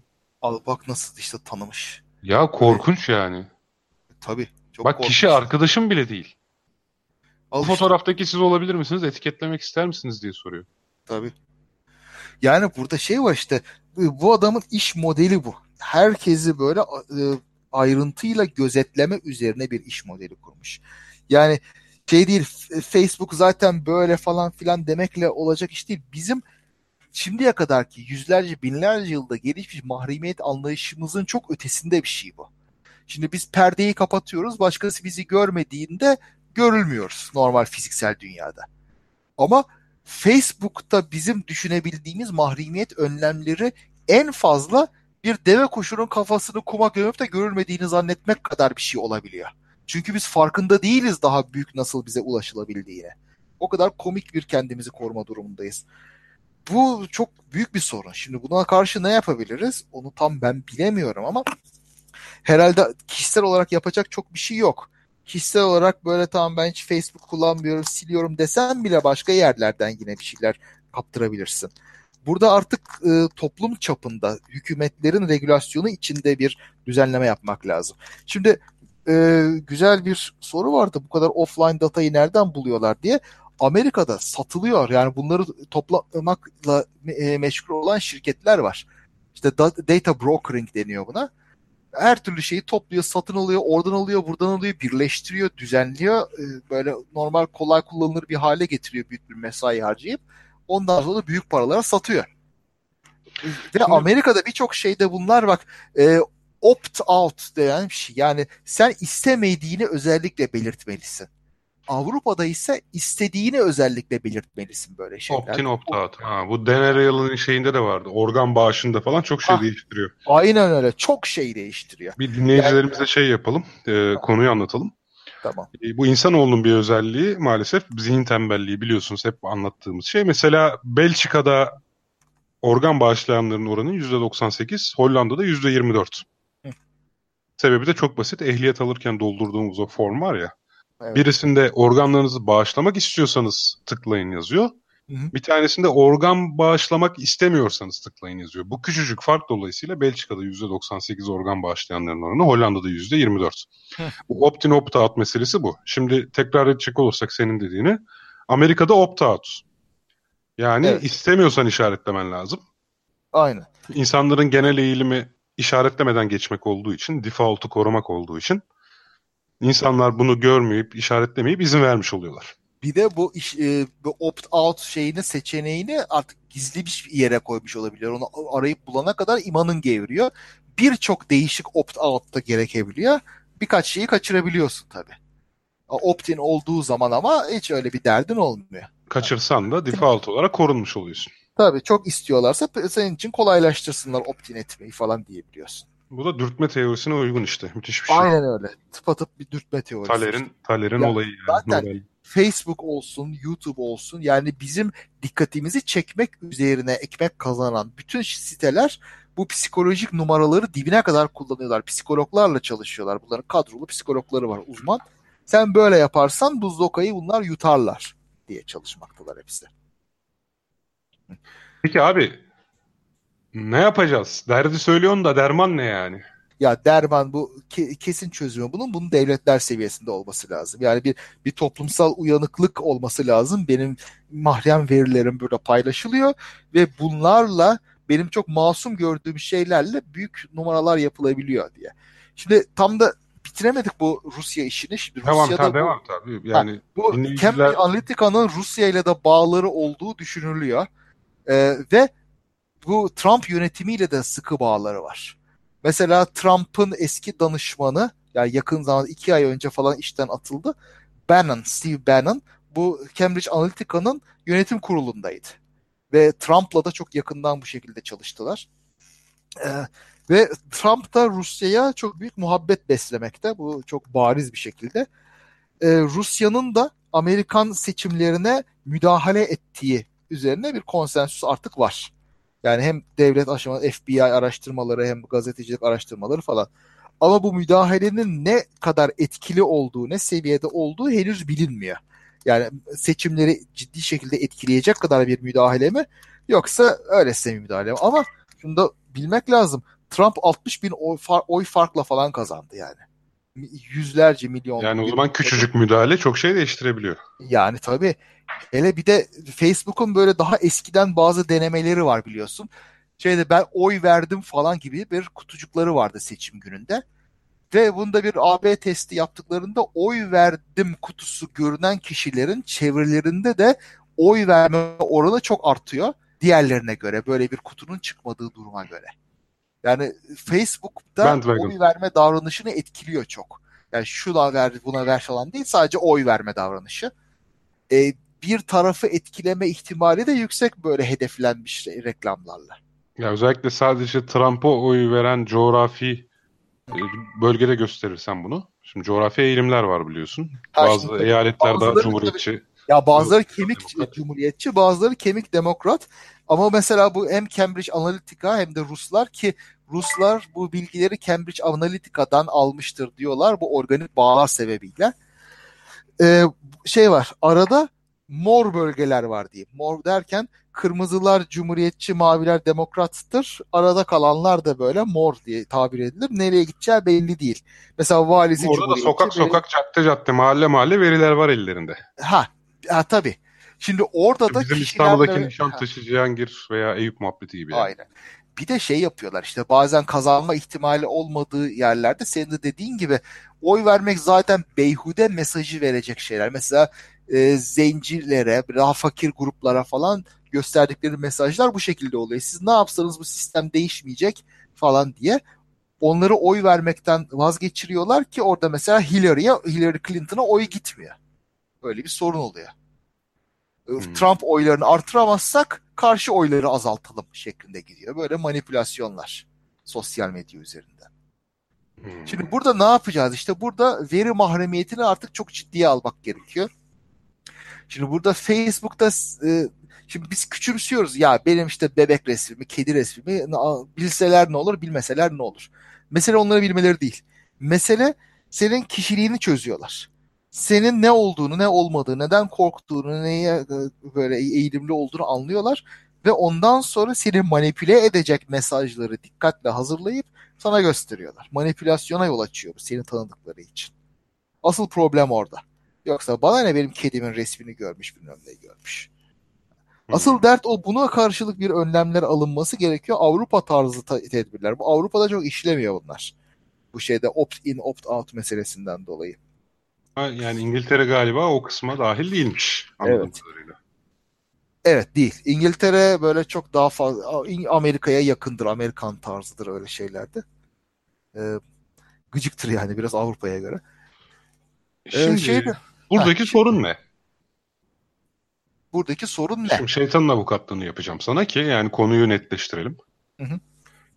Yani benim oy verme davranışımın Facebook'ta gördüğüm reklamla değişmesinin sebebi ne? Yani sonuçta yani hiçbir işe yaramıyor da şuradan örnek vereyim.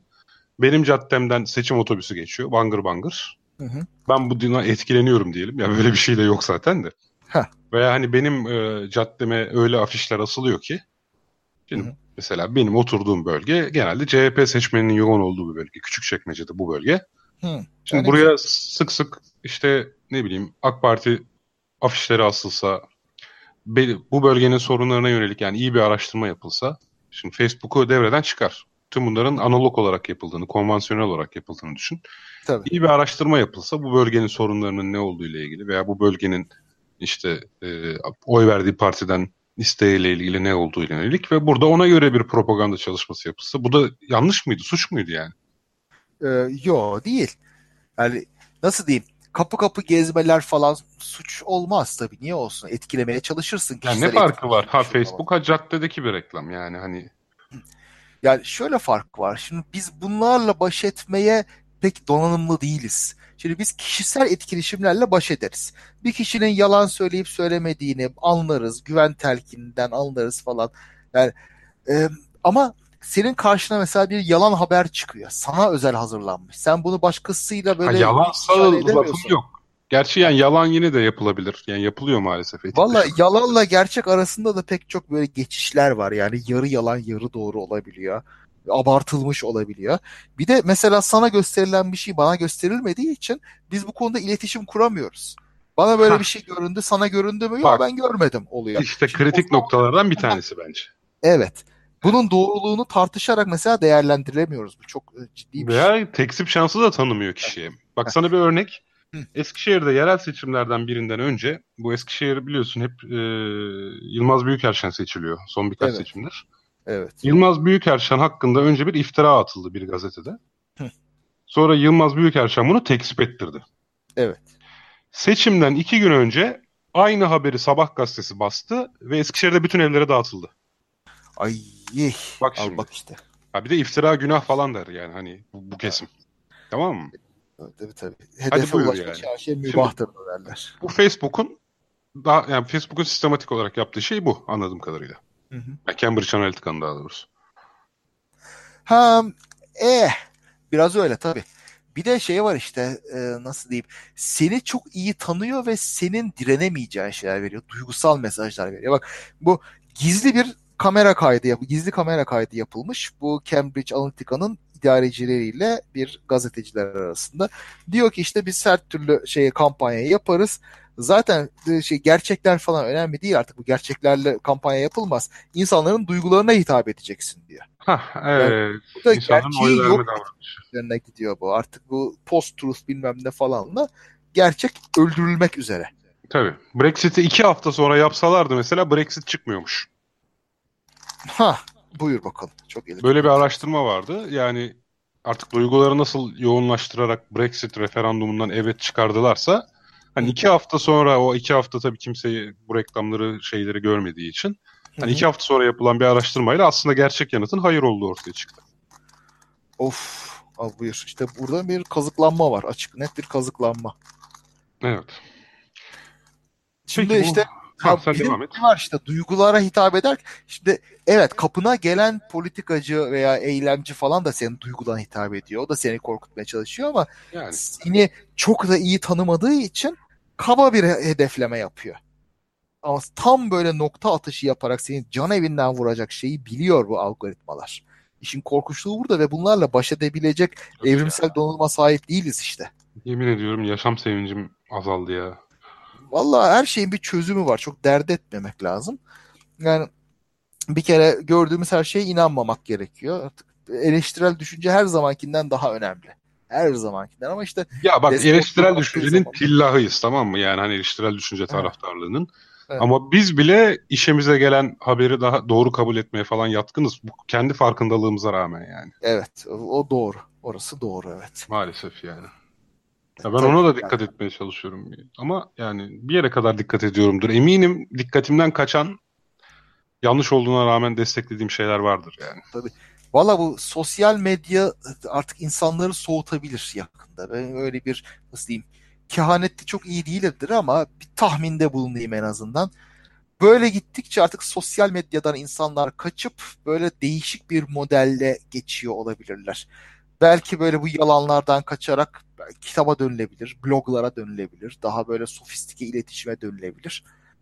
Belki işte 15-20 yıl sonra, bir kuşak sonra e, sosyal medya bizim bugün televizyonuna görüşümüz gibi böyle eski moda sofistike olmayanların katıldığı şeyler falan. Yerine bir şey koyarsan ancak. E, öyle. Yani yerine bir şey her zaman var. Ayrıntı işte kaliteli gazeteciler, araştırmacı gazetecilik var. E, bloglar var, kitaplar var. Onlar her zaman var. Yani insanlar uzaklaşabilir. İlla ki bununla uğraşmaya lüzum yok. Vallahi Yani- şu Yani e, çok uzattık. Aslında şeyle YouTube'la ilgili de ilginç şeyler var ama bu sen konuyla devam et ondan abi. Ben de sonra niye bunun demokrasiye aykırı olduğu ile ilgili bir şeyler Tamam. söyleyeyim. Valla Zeynep Tüfekçi'nin yine hem güzel bir yazısı hem de bir TED konuşması vardı. Herhalde Türkçe altyazı da hazırlandı bu TED konuşmasıyla ilgili. YouTube'un tavsiye algoritmasında ciddi sorunlar var. İnsanları aşırılıklara iten bir şey olduğunu fark etmiş Zeynep Tüfekçi. Mesela diyor Trump kampanyası ile ilgili bir şeyleri seyrediyordum. Onun şeyleriyle işte iletişim yöntemiyle ilgili bir şey yapmak için bu tavsiyeleri takip ettim. Takip ettim, takip ettim. Gitgide daha aşırı radikal gruplara beni götürmeye başladı diyor. En olmadık böyle alt-right'lar, şunlar bunlar falan çıkıyor artık. Ve böyle e, tam tersten başladım. Böyle keşi sildim, bir şey sildim, temiz başladım. Hillary'den başladığımda beni böyle başka konspirasilere şuna buna götürdü falan diyor. E, bu YouTube'un algoritması evet burada bir bireysel giriş yok ama olay şu. YouTube sana bilgi vermeye, seni e, dengeli bir şekilde eğitmeye falan çalışmıyor. YouTube'un tek istediği şey sen orada mümkün olduğunca daha fazla zaman geçir. Fazla Şimdi- tutmak. Evet. Evet. Şimdi bilerek değil ama o kadar iyi bir algoritma bulmuşlar ki bu yapay zeka senin ilgini nasıl canlı tutacağını buluyor. Kendiliğinden de oluşuyordur ya. İnsanlar hani insanların e, eğilimi otomatikman bu şeyi algoritmayı belirliyordur. Ya şimdi şu var. Yani onlar yapmasa aynı bile. Şeyden 2-3 tane seyretsen dikkatin dağılır. Ama biraz daha sansasyonel, biraz daha radikal bir şey gördüğünde ilgin devam eder. Böyle böyle uçlara savrulursun. Ki savruluyorsun da. Bir kere hatırlıyorum. E, bu binaların üzerinde gösteri yapan Çinli bir kadın vardı. Evet. Bu düşüp ölmüş galiba. Hı. Onunla ilgili video izliyordum. Onunla ilgili o videoyu izlerken böyle sağda işte dünyanın en e, dalgalı 10 sahili çıktı. Ha. Şimdi ona bastım. Hemen yanda 10 tane büyük dalga yıkımı, tsunami. Ha. Tamam mı? Şimdi çıktı ona bastım. Derken işte en büyük deprem yıkım görüntüleri falan. Evet gerçekten böyle bir hani çünkü bir şey izliyorsam ilgimi canlı tutabilmesi için bana çok daha ilginç olduğunu iddia eden bir şey gösterilmesi lazım sahada. Aynen öyle. Evet. Yani şimdi YouTube'un eski bir çalışanı e, bakayım adına ama bir Fransız isimliydi. Ahmet, Ahmet evet ya. Ah, Ahmet, evet. Ahmet, evet. Şimdi onun yaptığı bir araştırma var. E, YouTube'dan o da ayrılmış. Yani böyle şeyler algoritmalar sebebiyle diyelim. E, çünkü bunu değiştirmemiz lazım falan gibi biraz e, ifade etmiş. Daha sonra YouTube'dan çıkarılmış. Kendisi bu sebepten olduğunu söylüyor. YouTube başka şeyden diyor. Şimdi bunun gördüğü şey şu. Bu tavsiyeleri, aşırı tavsiyeleri ta, takip ede ede eninde sonunda Trump destekçisi videolara çıkıyorsun. Burada bu kampanya sırasında yaptığı bir şey bu. Hillary'den de başlasan, Trump'tan da başlasan, başka yerden de başlasan geliyor böyle seni Trump'a getiriyor bu algoritma. Bütün yollar aynı yere çıkıyor yani. Biraz öyle. Şimdi tabii YouTube böyle bir şeyin planlı olduğunu reddediyor. Bu bizim otomatik algoritmamız. Yani bu e, şeyler çeşitli like'larla, seyirlerle, tercihlerle falan da çıkıyor olabilir. Ama işte sonuç değişmiyor. Sonuç olarak seni bir yere götürüyor o algoritma. Bazen aşırılıklara, bazen uçukluklara. Yani siyasi olmasa bile mesela aşırı şiddetli videolara götürebiliyor.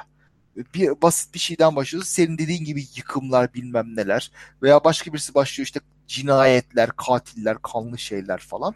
Gitgide berbatlaşan şeyler gidiyor. Bu da ayrı bir sorun. Çok ciddi bir Halbuki sorun. Halbuki girin muhabbet teorisi kanalına. Ha, Birinci mi? bölümden başlayın 109'a kadar gidin yani. Tabii. Aynen öyle. İşte bunda da Guardian bunu da işlemiş. Bunlar böyle e, soğan gibi böyle açtıkça yenisi çıkıyor ortaya. İlginç bir şekilde. Yani şu anda... Bu arada YouTube'dan insan... YouTube'u eleştiriyoruz. Farkındasın değil mi? Yalçın Uğur yazmış. Sayenizde inanılmaz vakit harcıyoruz YouTube'da diye. Yediğimiz kaba pisliyoruz şu an. Vallahi öyle. Neyse işte özetle büyük veri konusunda bir krize doğru gidiyoruz gibi geliyor bana.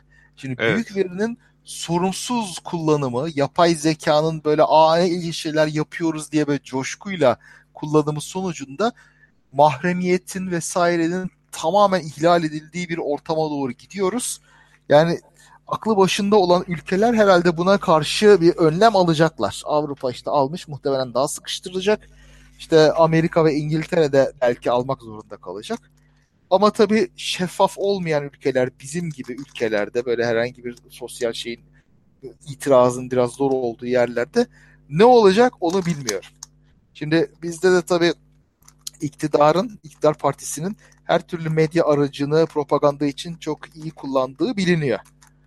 Eskiden işte şeylerdi, gazeteler ve televizyonlar falan. Ondan sonra sosyal medya, troll ordusu vesaire falanla da Şimdi bu bizim için çok açık yakın bir tehlike gibi görünüyor. Vallahi Herhalde yapabileceğimiz tek şey şu anda işte şeyden kaçmak diyeyim. Kaçmak derken e, yanıltılmaktan kaçmaya çalışmak yani propagandadan kaçmaya çalışmak gibi bir şeye dönmemiz gerekiyor. Merve Gözü Küçük diye bir konuk yazarımız vardı Açık Bilim'de. Evet. Onun kişisel verileri koruma bilmecesi, koruyalım ama nasıl diye bir yazısı var. Yeri gelmişken onu önereyim. Hatta bildiğim kadarıyla Merve Gözü Küçük bu alanda çalışıyor. Doktorasını da bu alanda yapıyor olması ya da tamamlamış olması lazım. Epeydir Aa, temas güzel. kurmuyorum. Ee, onun açık bilimde yazdığı bir yazı vardı. Kübra paylaşır şimdi herhalde Twitter'dan. Ee, yeri gelmişken onu da söyleyeyim. Evet, şimdi e, evet, biraz buna sosyolojik bir analiz katmam lazım. Kat abicim benim diyeceklerim bu kadar. Çok dallı budaklı ama işin siyasi boyutu şundan çok giremedik ama o çok ilginç yani. Evet. Şu an bir anomi durumundayız bu konuda.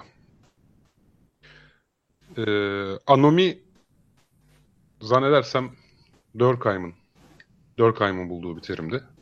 O da şu kuralsızlık. Yani çok büyük bir değişim var. Eski kurallar ortadan kalkmış. Eski kurumlar ortadan kalkmış. Yerlerine henüz yeni bir kurumsallaşma konulamamış. Şimdi baktığımız zaman gerçekten de e, Vahşi batı diyebiliriz. Yani evet ki eski medya kurumları var. ortadan kalktı. Evet. Artık kıymeti harbiyesi yok çoğumuz için. Kim televizyon izliyor? Evet doğru. Yakında bu, bu da azalacak. Yani televizyon artık belli bir kitleye hitap eden. Gündüz vakti gerçekten sadece belli bir kitleye hitap eden. İşte akşamları da dizi izleyenlerin oturup izlediği benim gördüğüm kadarıyla bir kutu haline geldi o kadar. Evet. Yani kimsenin artık birincil kaynağı, haber kaynağı falan televizyon değil. Doğru. Şimdi bunun yerine başka bir şey geldi. Sosyal medya. Herkes birden bireysel yayıncı haline geldi. Bu alanda tam henüz bir denetim ve şey sağlanamadı. Sağlanamadığı için tam bir anomi dönemi yaşıyoruz. Yani kuralsızlık.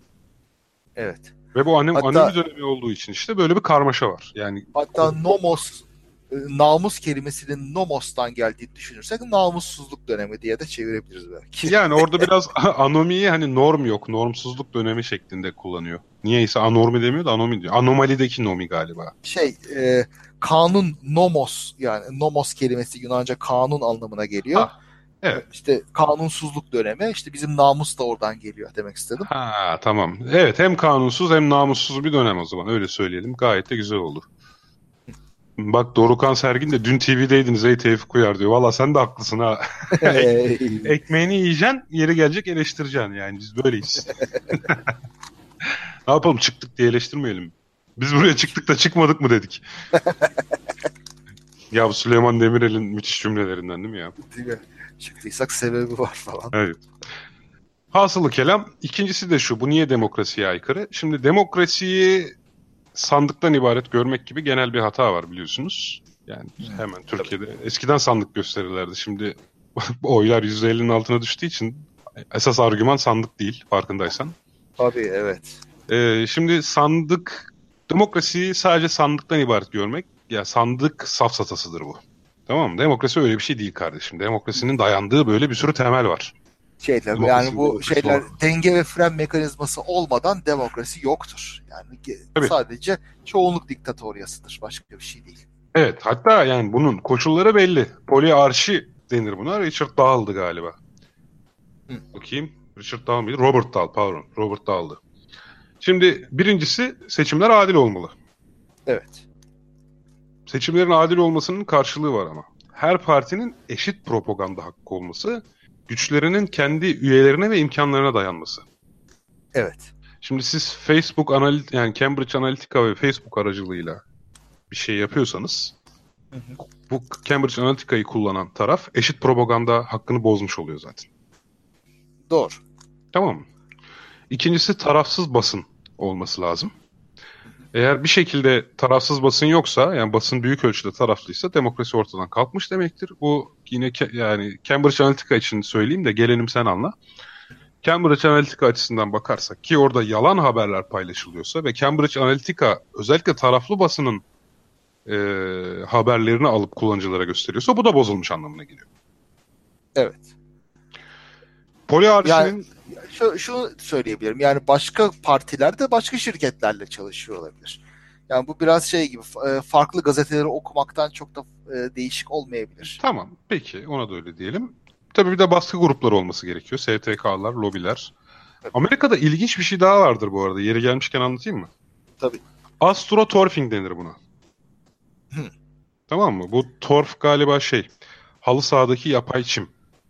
Dur, turf aynı zamanda işte birinin bölgesi anlamına da gelir. Şey mi bu? Gerrymandering'den mi bahsedeceksin? Seçim bölgeleri Şundan ayarlama.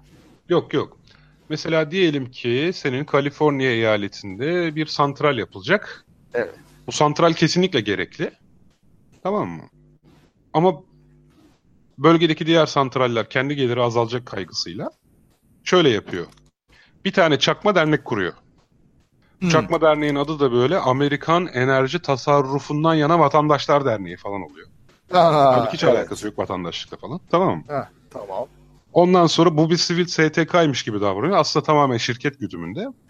Ve bu Tamam. insanlar aslında hani e, o faydalı olmasına rağmen yani tam tersine isminin ismi mesela tasarruf ya. Aslında o santralin kurulması daha çok tasarrufa neden olacak. Halbuki. Tabii. Ama tam tersi bir argümanla ortaya çıkıyor.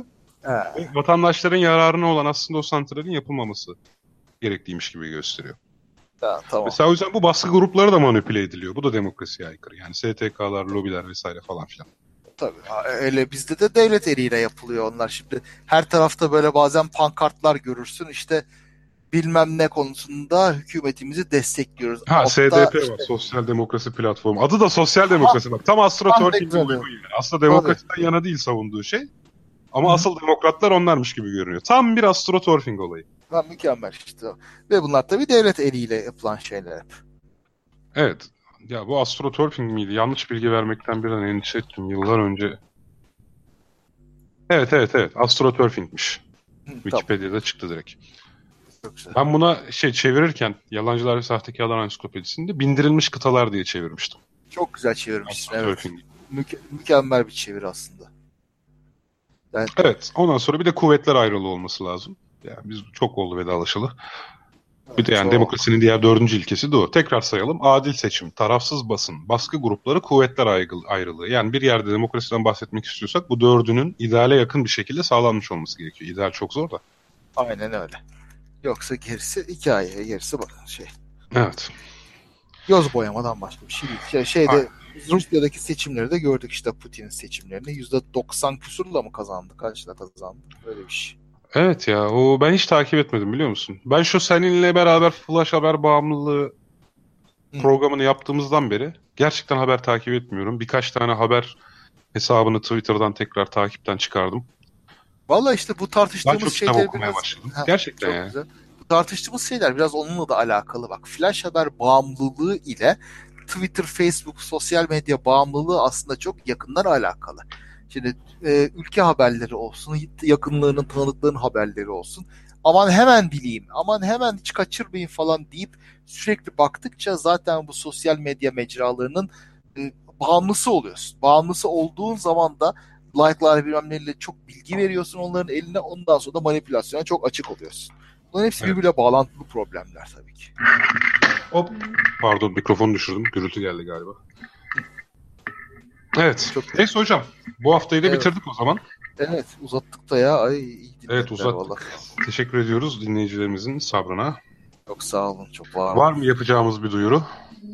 Ee, şimdi aklıma gelmiyor. Artık bir dahaki salıya kadar herkese iyi akşamlar. Esenlikler. Evet bu haftalık pazartesi yaptık. Haftaya yine salı günü devam edeceğiz. Bilge Demirköz hocamızın bir sözü var bize. Ya haftaya ya ondan sonraki haftaya belki bir konuda onu konuk alabiliriz. O süper olur. Zaten Harika. bu Facebook Facebook konusunu bugün tamamlamış olduk. Evet. Benim aklıma Şimdi- gelen başka yok. Yeni bir şey çıkarsa belki kısaca konuşuruz. Evet hadi bakalım. O zaman cümleten tüm dinleyicilerimize iyi akşamlar diliyoruz. İyi akşamlar. Görüşmek üzere. Sağ olun, sevgiler, esenlikler. Eser Tarihi Osmanlı Mecmuası'nın 3. cüzünün 1912. sayfasına bakabilirler efendim.